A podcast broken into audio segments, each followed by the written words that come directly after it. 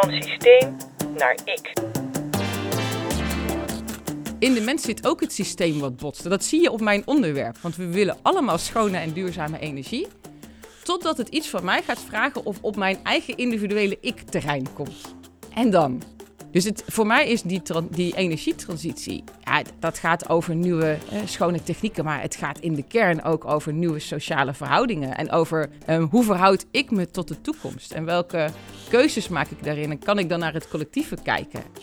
Al dus directeur van het Nationaal Programma Regionale Energiestrategie, Christel Lammers. Werken aan de overgang naar duurzame energie in samenwerking met veel overheidspartijen is haar core business eigenlijk in het hart van de bestuurlijke en politieke systeemwereld. En ze geniet ervan. Het leren over de plek van de mens in het systeem begon al in haar Brabantse familie. We spreken haar in Den Haag. We zijn te gast op een stralende dag uh, vandaag uh, bij het Nationaal Programma Regionale Energiestrategie programma dat moet bijdragen aan die enorme transitie hè, die we met elkaar moeten maken naar duurzame energie. Ehm, vooral in dit geval gaat het dan om zonne- en windenergie op land hè, in Nederland. En nou zitten we in het gebouw van de Unie van Waterschappen. En dat voelt dan niet meteen logisch. Ofwel, Christel Lammers, waarom zitten jullie hier dan? Want dit is wel de plek waar de directie van dit programma zit. Ja, dat klopt uh, Eva. En heel leuk om met elkaar gewoon uh, dit gesprek uh, te kunnen mogen doen. Dus dat, dat aan de voorkant. Ja, wij zitten hier eigenlijk vanuit een hele praktische reden. Ehm, het Nationaal Programma Regionale Energiestrategieën. Ik noem het vaak NPRS. Dat maakt het net even iets korter. Dus het zou zomaar kunnen dat ik dat dadelijk ook van nature in dit gesprek ga doen. Um, is eigenlijk een samenwerkingsplatform van Rijk, Economische Zaken en Klimaat en Binnenlandse Zaken, met de waterschappen, de gemeenten en de provincies. En drie jaar geleden was er gewoon behoefte aan een plek om dit nationaal programma te huisvesten. En de Unie van Waterschappen had op deze verdieping kamers vrij. En zo is eigenlijk van het een het ander gekomen. Uh, heel pragmatisch gegroeid. En tegelijkertijd eigenlijk ook wel heel mooi en typerend voor die samenwerking. Omdat de waterschappen een vrij neutrale positie hebben in dit vraagstuk en dienstbaar zijn hè, vanuit uh, hun uh, gronden en, en, en, en gebieden hè, in, in die regio om mee te werken, is het ook een hele neutrale en fijne plek. Dus we zitten hier heel fijn. En, en is het een beetje tekenend voor hoe jullie programma in elkaar zit, zou je kunnen zeggen? In de zin van pragmatisch um, en ook met zoveel partijen eh, dienstbaar aan het, aan het geheel, aan, het, aan het, het doel dat jullie hebben met elkaar? Ja, ik denk dat het, dat het zeker zo is. Het pragmatisme, uh, maar wel gericht op het doel, hè? Uh, voor ogen, maar wel gaandeweg, wekkende weg. Het doen met wat er op je pad komt. Uh, is wel tekenen, denk ik, voor het programma. Maar ook inderdaad over de keuze die, uh, ja, dat we hier terecht zijn gekomen. Is het ook tekenend voor jou om zo te werken? Zeker, ja. Ik, wil, ik, ben, um, uh, ik ben iemand die me inderdaad wel gewoon op een doel. Hè. Ik verbind me op het doel. En, en dat vind ik met het Nationaal Programma RES echt heel mooi. Hè. Um, je staat echt gewoon en je levert een klein steentje of een bijdrage aan een betere toekomst voor Nederland. Zo voel ik dat. Hè. Um, want die schone, duurzame toekomst waar we aan werken, dat doen we om onze aarde op een goede manier, voor mij dan, hè, door te kunnen geven aan toekomstige generaties. En, uh, en, en, dat betekent dat we ook een omslag moeten maken naar schonere uh, en duurzame energiebronnen. En hoe mooi is het dan om aan dat doel in kleine stapjes een steentje te mogen bijdragen vanuit een samenwerkingsplek? En nou ken ik je al wat langer, mag ik hier wel zeggen. Um, en toen jij mee toen ik jou vroeg om mee te doen aan deze podcast, toen zei je meteen: Ja, ja, uh, ik wil wel weten welk uniek talent ik heb. Dat heb je nog niet scherp voor ogen, begrijp ik, of wel? Nou, ik heb in, in wel een gevoel bij hoor. Um, maar uh, wat mij altijd helpt, is ook dat ik terugkrijg van anderen. Um, en dat zegt misschien iets ook over mijn talent. Dus dat ik enorm intuïtief op gevoelsniveau uh, ben gaan werken en denken. De, door de jaren heen. En ik ontwikkel mijn talent in interactie met mensen. Dus daarom ben ik nieuwsgierig naar dit gesprek. Want ik heb elke dag daar ook iets in te ontdekken. Wat met mijn talent te maken heeft, maar waar ik weer in mijn werk gewoon, maar ook in privé mijn voordeel mee kan doen. Nou, Kees gaat je daar straks verder bij helpen. Maar dan is het misschien ook wel goed om toch even te weten, hè, als ik vraag wie ben jij? Wat zeg je dan? Waar kom je vandaan? Wat is je... Um, dan zeg ik, ik ben Christel, geboren in Brabant. Uh, en dat zeg ik er altijd bij, want dat doet wat met wie ik ben. Uh, in, in Deurne, Peelgebied, mooi gebied, ruig gebied. Kom uit een gezin van, uh, van drie kinderen. Vader was gemeenteambtenaar, moeder was verpleegkundige. En ik heb van allebei daarin dingen meegekregen. De zorgkant van mijn moeder, maar ook het hart voor de publieke zaken van mijn vader. En een gezin van drie kind- kinderen levert gewoon thuis een mini-systeempje op. En daar heb ik heel veel in geleerd en ontdekt met elkaar. En wat dan? Ehm, wat heb je daar dan vooral in geleerd? Nou, dat je met elkaar, hè, eh, het geheel is meer dan de som van de losse delen. Eh, en, eh, en je hebt hè, de, de actie van de een, goed of slecht bedoeld, heeft een effect op de ander. Eh, ook t- met broers en zussen. Je kan het nog zo goed bedoelen, maar het kan ook echt heel verkeerd dan overkomen. En, dus dat, en ik, daar kan ik nu op terugkijken. Dat wist ik toen niet, maar ik heb wel al dat ervaringsleren mee mogen, mogen maken. En eh, uit het Brabantse haal ik echt gewoon... eh, en dat merkte ik ook, hè, ik woon nu in Den Haag al eh, meer dan twintig jaar. Overigens heel gelukkig. De zee dichtbij vind ik echt fantastisch. Het water, de lucht, de ruimte, daar hou ik van. Dat mis ik ook in Brabant, hè, met de bossen en de dichtheid, om het zo maar te zeggen. Maar de cultuur van Brabant, van, van het, eh, de, het gemeenschappelijke, het informele, maar hè, ook de, de schaduwkant van wat er onder de tafel is eh, en niet altijd uitgesprokene, daarmee eh, behept zijn, ja, dat, dat, dat, dat, brengt mij, dat neem ik mee. En, en ik ben eigenlijk hè, dus opgegroeid in, in, in de Peelkant, Oost-Brabant, gestudeerd in Tilburg. En daar bestuurskunde gaan doen.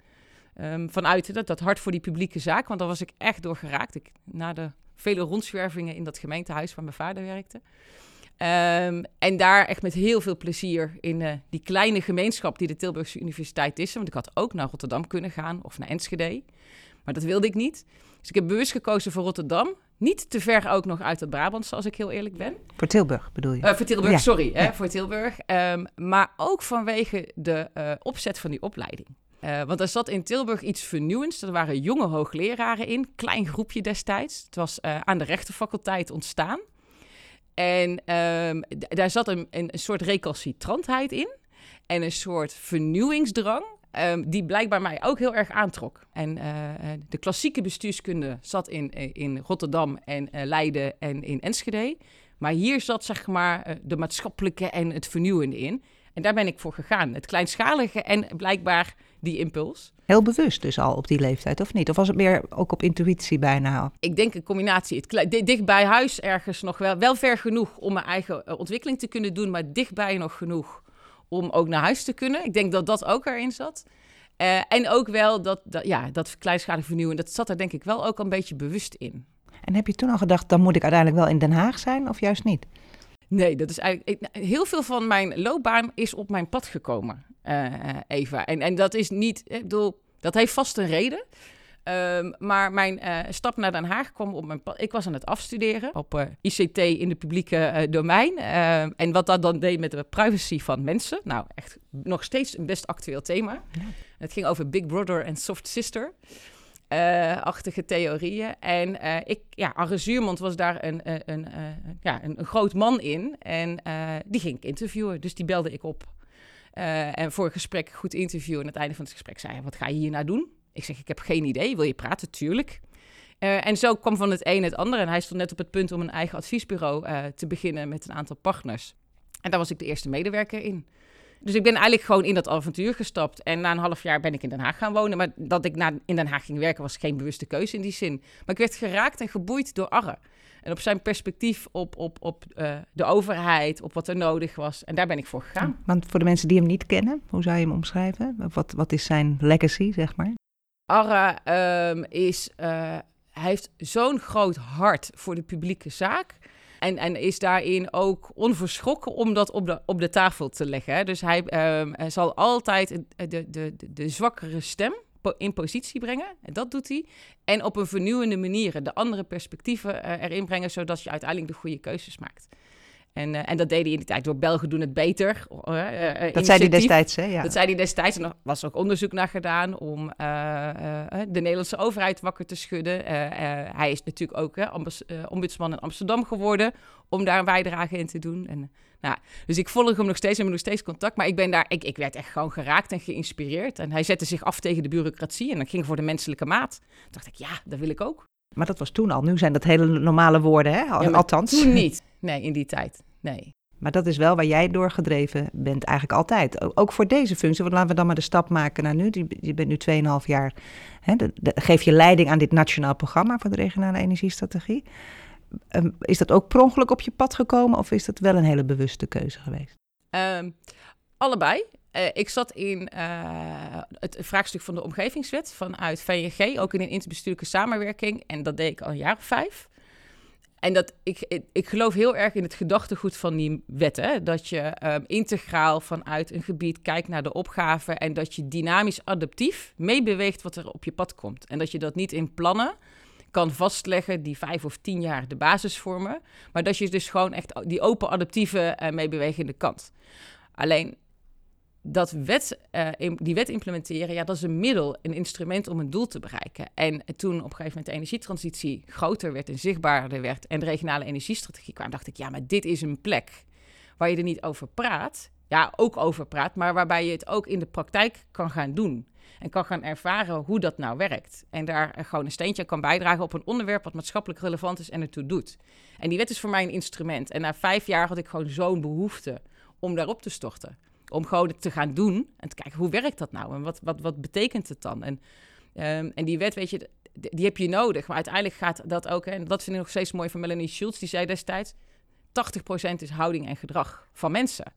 Um, en ja, dat zag ik ook op die energietransitie als hè, belangrijk onderwerp. Van kun je dan daar een steentje bijdragen vanuit dit gedachtegoed? Uh, en er was een vacature en daar heb ik gewoon op gereageerd. En ik had het wel ik vertel, want VNG was een van de partners in dit proces. Uh, aan, uh, aan mijn directeur toen, Edward Stichter. Van ja, denk je dat het een goed idee is dat ik daarop ga reageren? dus ik heb het wel open aan hem verteld. en toen ben ik gewoon in het proces gestapt. Ja.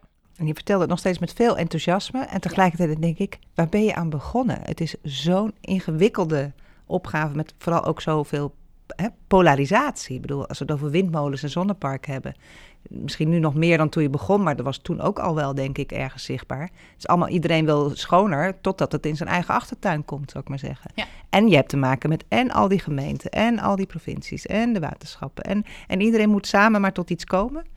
Niet te doen. Ja, nou, ik, daar word ik dus blij van, Eva. Hè? Uh, want wat is het alternatief uh, hè, van als we dit niet samen gaan doen?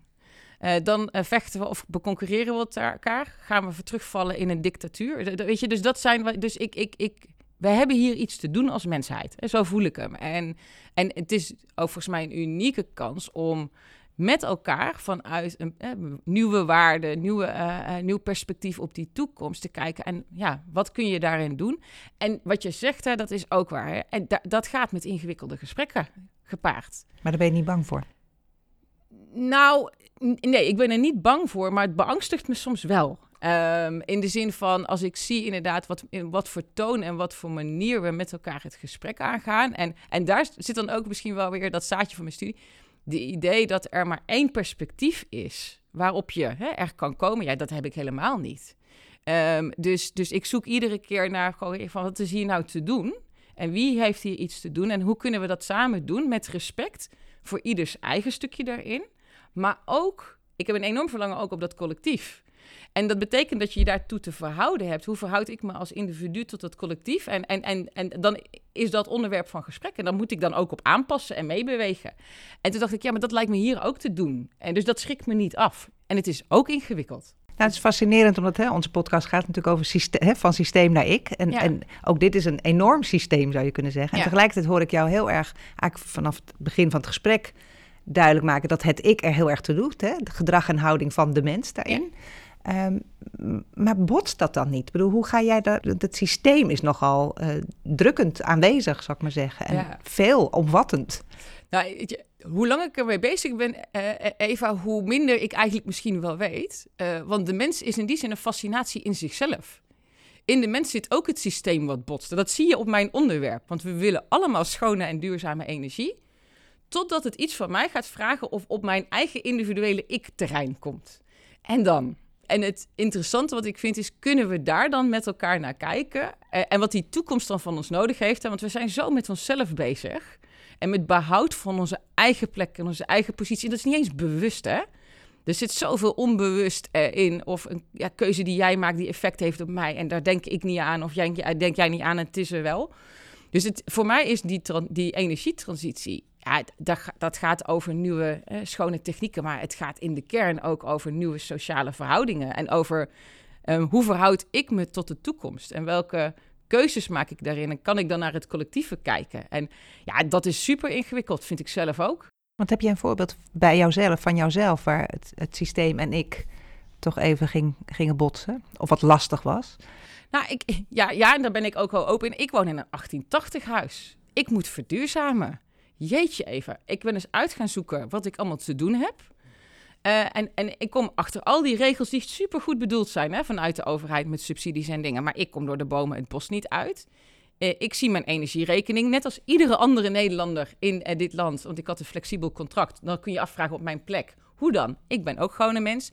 Ik heb daar niet naar gekeken. Ik vind het niet interessant. Nu wel. Ja, want je bent een stuk duurder uit. Uh, ja, dat. Dus, dus al die prikkels die, waar ik in mijn werk tegenaan loop, die heb ik zelf ook. Hè? Waar kies ik voor? Um, ga ik uit eten, bij wijze van spreken? Of spaar ik voor um, uh, uh, dat dubbel glas in mijn ruit? Dat, die, die opgave is ook voor mij privé echt enorm.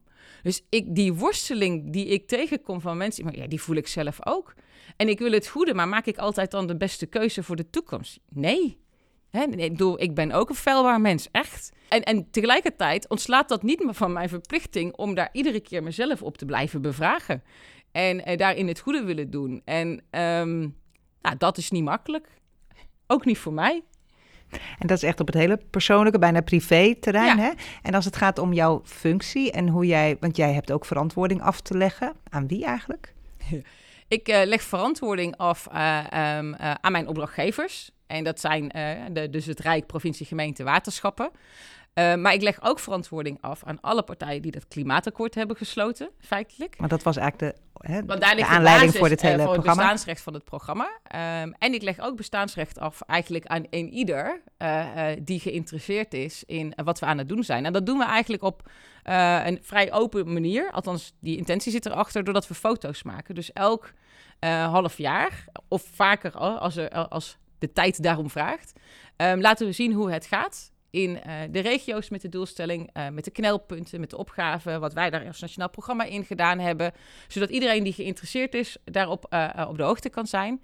En het Planbureau van de Leefomgeving monitort de formele documenten de voortgang eigenlijk en de ook, voortgang. Ja. En we zijn ook heel open geweest altijd naar de media. Uh, omdat ik ja, belangrijk vind dat de media haar rol kan spelen op een groot vraagstuk uh, uh, als dit. Dus wij informeren ook hè, de media over de voortgang en de ontwikkelingen. En dan is het aan de media om daar wel of niet iets mee te doen. Maar ik vind wel dat het bij mijn plek hoort als nationaal programma om alles wat wij weten terug te geven in, ja, in, in de publieke gemeenschap. Wanneer is jouw dag geslaagd? Dat is een mooie vraag. Nou, eigenlijk als ik aan het einde van de dag mezelf in de spiegel kan kijken en uh, uh, uh, kan zeggen: Ja, nou, ik heb naar eer en geweten mijn best gedaan om een steentje bij te dragen aan deze dag. Um, en daarin ook ja, gewoon op de goede manier in verbinding ben geweest met mensen. Ik denk dat dan mijn dag geslaagd is. Kees zit ontzettend geïnteresseerd van alles mee te schrijven ondertussen. Hè, Kees? Ja. Dat is fascinerend, hè? Uh, ja, ik wil graag even beginnen met uh, buiten het gesprek. Um, dat is overigens een kneepje waar je veel aan kan hebben. Hè? In onbewaakte ogenblikken geven mensen het meeste prijs. Dus, dus dat was voordat we dit begonnen, bedoel ik jij, Ik luister Kees? al als ik binnenkom. En zou jij nog eens uh, voor de luisteraars, als het je lukt, woordelijk willen herhalen hoe jij jouw interview hebt beleefd? Jij vertelde over een journalist die hier was geweest en hoe dat interview ging. ging. Ja, dat was inderdaad um, in december, naar aanleiding van uh, de analyse van het planbureau en onze foto. En uh, ik was hier inderdaad hè, met de journalist, dus we hebben een kleedje neergelegd om een beetje de rommel uh, te bedekken. En die kunnen jullie hè, nu ook niet zien, want nee. dat kleedje ligt er nog steeds. En dat ik daar veel van geleerd had. Hè? Want ik had een open vraag gekregen um, van, van ben je bereid om mee te werken in het interview? Mijn communicatiedame had goed doorgevraagd, maar de insteek was nog niet helder. En um, uh, na afloop dacht ik, ja, ik heb antwoord gegeven op zijn vragen. Maar ja, hebben we elkaar nu hierin geholpen? En toen zei ik, ja, eigenlijk denk ik niet. Um, omdat er niet duidelijk was wat het doel was, hebben we allebei heel hard gewerkt en ons best gedaan. Maar elkaar echt kunnen helpen kon niet. Dus ik heb daarvan geleerd dat ik de volgende keer toch echt meer. En weet je nog hoe jij het eindresultaat duidde? Nee, heel eerlijk gezegd, nee. Nou, dan zal ik dat uh, formuleren. Jij zei: het ging niet goed, het ging niet slecht, het ging. Ja, ja.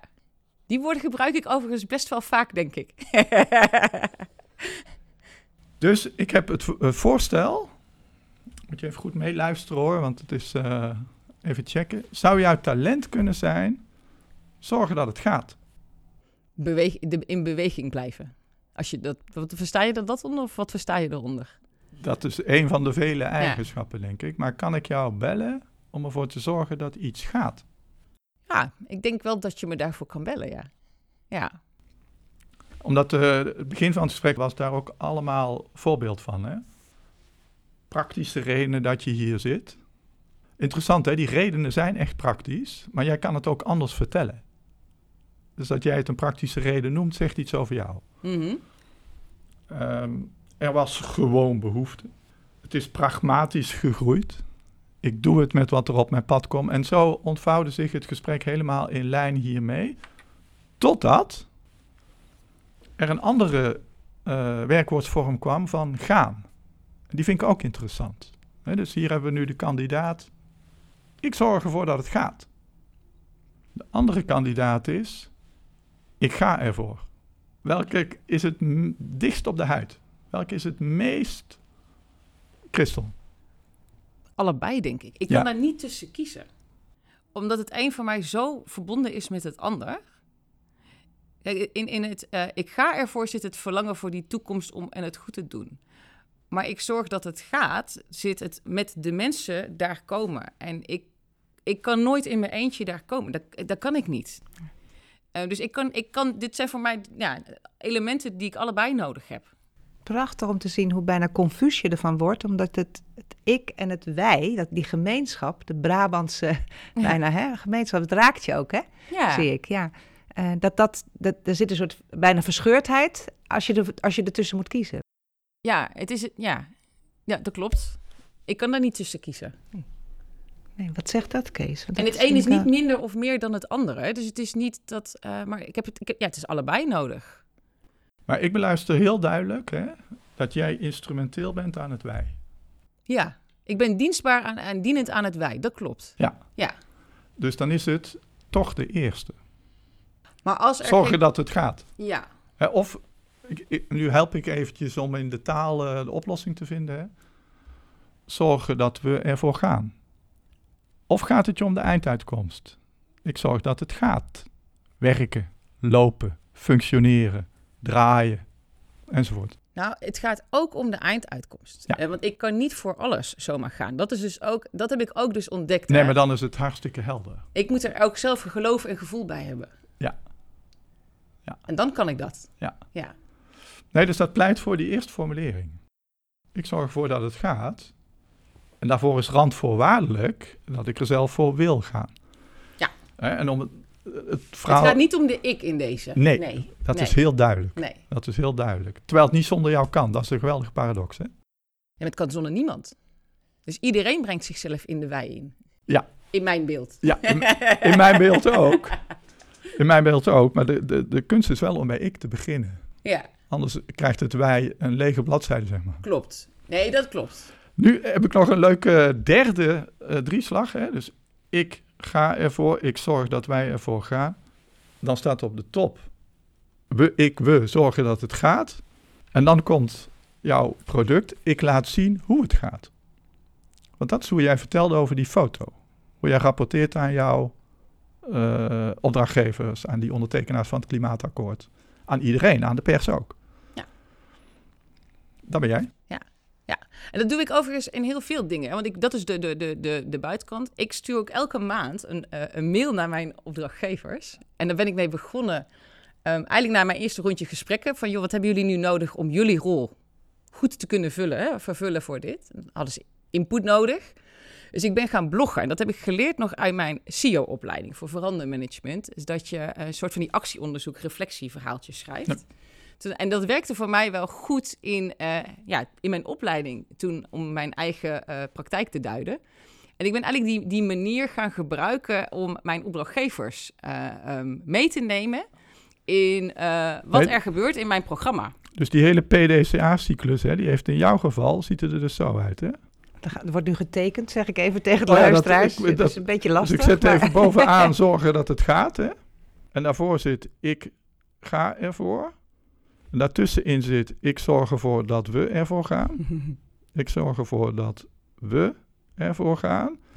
En dan zit hier, ik Aan de laat rechterkant zien hoe het gaat. hoe het gaat. Ja. En dat is natuurlijk weer brandstof voor, Voor, voor de, ik ja. ga door, hè. Ik, ga, Ja. ik ga er weer voor, we gaan Ja. er weer voor, ik ga zorgen. Nou, een soort cirkel voelde ik wel. Hè? Als het Ja. gaat om ik en wij en hoe dat heen, heen en weer gaat eigenlijk elke keer. En, en, en wat ik heel mooi vind, is dat jij, dat als wij het hebben over jou, hè, het kan niet zonder jou, zeg jij. De paradox is, het kan ook weer niet zonder jou, ook dan ben je heel dienend. Dat jij onmiddellijk zegt, het kan zonder, zonder niemand. Hè? Iedereen, dat vind ik, daar, dus dat iedereen daarin een rol speelt, dat vind ik, dat maak jij zo voelbaar. Dat vind ik stimulerend, zou ik maar zeggen. Ehm, hè, snap je wat ik bedoel, Kees? Dus Ik ik, zit te kijken of je daar nog een Kijk, en die- kopje op kan. En die problematiek van opgavegericht werken, waar jij voor staat, die keert u dus in jouw geval om. Jij bent blij dat er zoveel mensen zijn die in beweging gebracht moeten worden en dat we het samen moeten doen. Voor heel veel andere mensen is het een eh, niet te leggen puzzel. Ja. Vrouw op de goede plek, zou ik zeggen. Nou, omdat dan ook iedereen gewoon zijn eigenaarschap en zijn eigenheid erin kan stoppen. En, en dat vind ik echt wel het mooie van deze tijd. Hè? En, en, en, ik denk ook dat de tijd daar een beetje om vraagt. Ehm, alleen dat we nog zoekend zijn en hoe doen we dat dan? Ja. Ehm, eh, en ik kom daar natuurlijk ook mensen in tegen ehm, die eh, eh, dan eigenlijk zeggen: ja, er is maar één weg en maar één waarheid. Nou, dan is het weer oké. Maar hoe verhoudt dan zich dat tot het toekomstbeeld? En, en hoe mogen al die andere mensen daar dan ook in meepraten? En dat zijn af en toe best wel verwarrende gesprekken. Ehm, ik denk voor mij, maar ook voor mijn gesprekspartners, om het zo maar te zeggen. Maar ja, ik, dat is wel wat ik de, waar ik de hele tijd naar op zoek ben. Of waar ik Ja. eh, voor ga, inderdaad. En wat ik wel mooi vind na 2,5 jaar NPRS... Hè, we hebben nog nooit eigenlijk een echt, echt conflict gehad tussen... Ja, maar hoe gaan die besluiten dan? Hè? Wie neemt die dan? Nou, Maar het Christel, dat komt door jou. Weet ik ook. Ik, nee, dat, maar dat, dat besef Dat- ik me ook. dat hè, dat dingen geweldig, erin stoppen. Hè? En dat is wel twintig jaar leren geweest. En te durven erkennen dat ik dit doe, was Hmm. voor mij de grootste stap. Ja, precies. Ehm, en, eh, want ik deed er niet toe. En dan kan die wijen ook niet draaien. Dus ik heb heel lang moeten leren, zo'n 45 jaar bijna, om mijn eigen plek daarin in te kunnen nemen voor de wei. En dat was misschien wel de hardste leerschool. Ehm, en sinds ik dat doe, gaan dan- dingen makkelijker. Maar dan, dan wordt jouw slagkracht dubbel. hè? Want je hebt al dit talent. Maar je hebt dus ook nu die ervaring hoe ingewikkeld het is om je eigenheid in te brengen in een collectief. Ja. Dan kun jij anderen dubbel helpen, zeg maar. Van nature en vanuit je eigen ervaring. Ja. Want dit is het vraagstuk waar deze tijd om draait. Dit- Ja. Ja. Hoe verhoud ik me tot het gezamenlijke? En daar kan ik mezelf in inbrengen. En dat doe ik ook eh, graag. En, en omdat ik dat dus ook niet meer spannend vind, grappig genoeg. Ehm, ik denk, ja, we zien wel wat, wat er dan gebeurt. Want ik ben ik. En, en, en met al mijn leuke kanten en al mijn nare kanten. Maar ik ben wel één pakketje. En, je kan, en dat, dat heb ik ook wel eens in een gesprek gehad. In een sollicitatie. Iemand, ja, ik, zou jou wil, ik wil dit stukje van jou wel. Maar ik vind dat stukje ingewikkeld. Ik zeg, ja, dat kan niet. Ik ben ik. En je kan niet alleen de leuke kant van mij bestellen. Nee. eh, want die andere kant hoort ook bij mij. Nee. En ja, je krijgt mij of je krijgt mij. En dan gaat het dus niet. Nou, sterker nog, als jij die andere helft thuis laat, hè, dan komt die als een boemerang terug natuurlijk maar op dag. nee, dus, dus, en, en dat, ik daar, dat ik ook ongemakkelijke dingen aan mezelf vind. Ja, dat is zo. Ja, that's life. Ehm, en gelukkig hebben we dat allemaal en allemaal een beetje anders. Want ik denk ook echt iedereen een kopie van mij lijkt me verschrikkelijk. Ik, ik Ehm, heb wel eens een gedurfde stelling. Ik zeg professioneel werken, waarin je de ander neemt zoals die is, hè, maar hem daar ook op aanspreekt, is hetzelfde als liefdevol werken. Ja. En dat betekent eigenlijk dat je je verheft boven elkaars gedoe. Ja.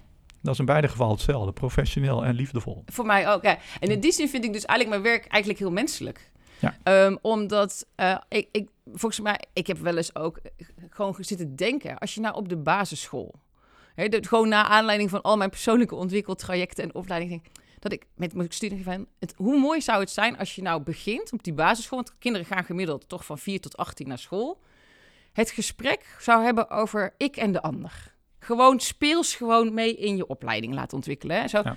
Nou, dan heb ik geen werk meer vandaag de dag hoor. Ehm, want dan kunnen we dit gewoon met elkaar, denk ik, veel makkelijker en beter doen. Ja.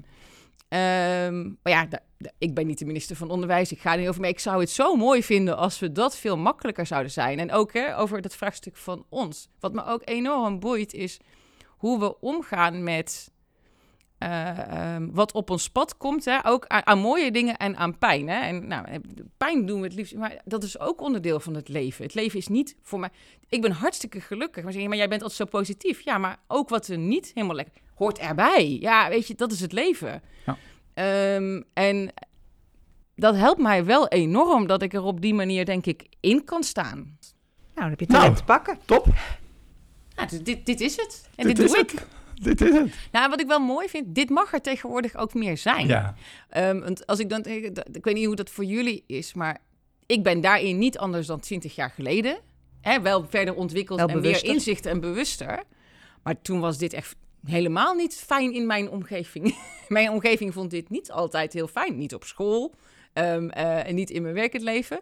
Maar de tijd is ook aan het veranderen. Dus ik pas meer. Als ik er met mijn kinderen over praat, dan vertel ik vaak enthousiast over een nieuw inzicht of over wat ik zelf anders doe. En voor, zij halen schouders op. Ja. Voor, die, voor die kids, voor de twintigers zijn dat inmiddels, is het best al wel vanzelfsprekend. Zeker. Om op deze manier naar jezelf te kijken, naar anderen te kijken, erover te praten, all-inclusive te nemen. Ik zie het bij mijn dochter, ik vind dat zo mooi, hè? Zo'n zo, zo'n kind in je. Ik bedoel, mijn dochter is nu 13. Maar die spiegelt natuurlijk echt de hele tijd. Hè? En, en, en, uh, en dat is, vind ik zo gaaf om te zien. Hoe zij dingen die ik heb moeten leren gewoon in zich heeft. Ja. Dus die staan echt weer op de schouders van onze generatie. Hè? En zo heeft iedere generatie, denk ik, staat op de schouders van de vorige generatie. En gaan, krijgen dingen mee. En daardoor komen we ook met elkaar, denk ik, verder. En, en, en wat dan wel interessant is, als je het hebt over de dimensiteit. tijd dit soort processen, we hebben uh, heel veel haast in die energietransitie. Maar het vraagt ook tijd om dit met elkaar te doen. Dus we moeten ons langzaam haasten, zeg ik wel eens. Ik vind het een hoopvol einde. Dankjewel. Ja, we moeten ons langzaam haasten. En zij zorgt ervoor dat het gaat. Volgende keer weer een nieuw talent in. Van systeem naar ik.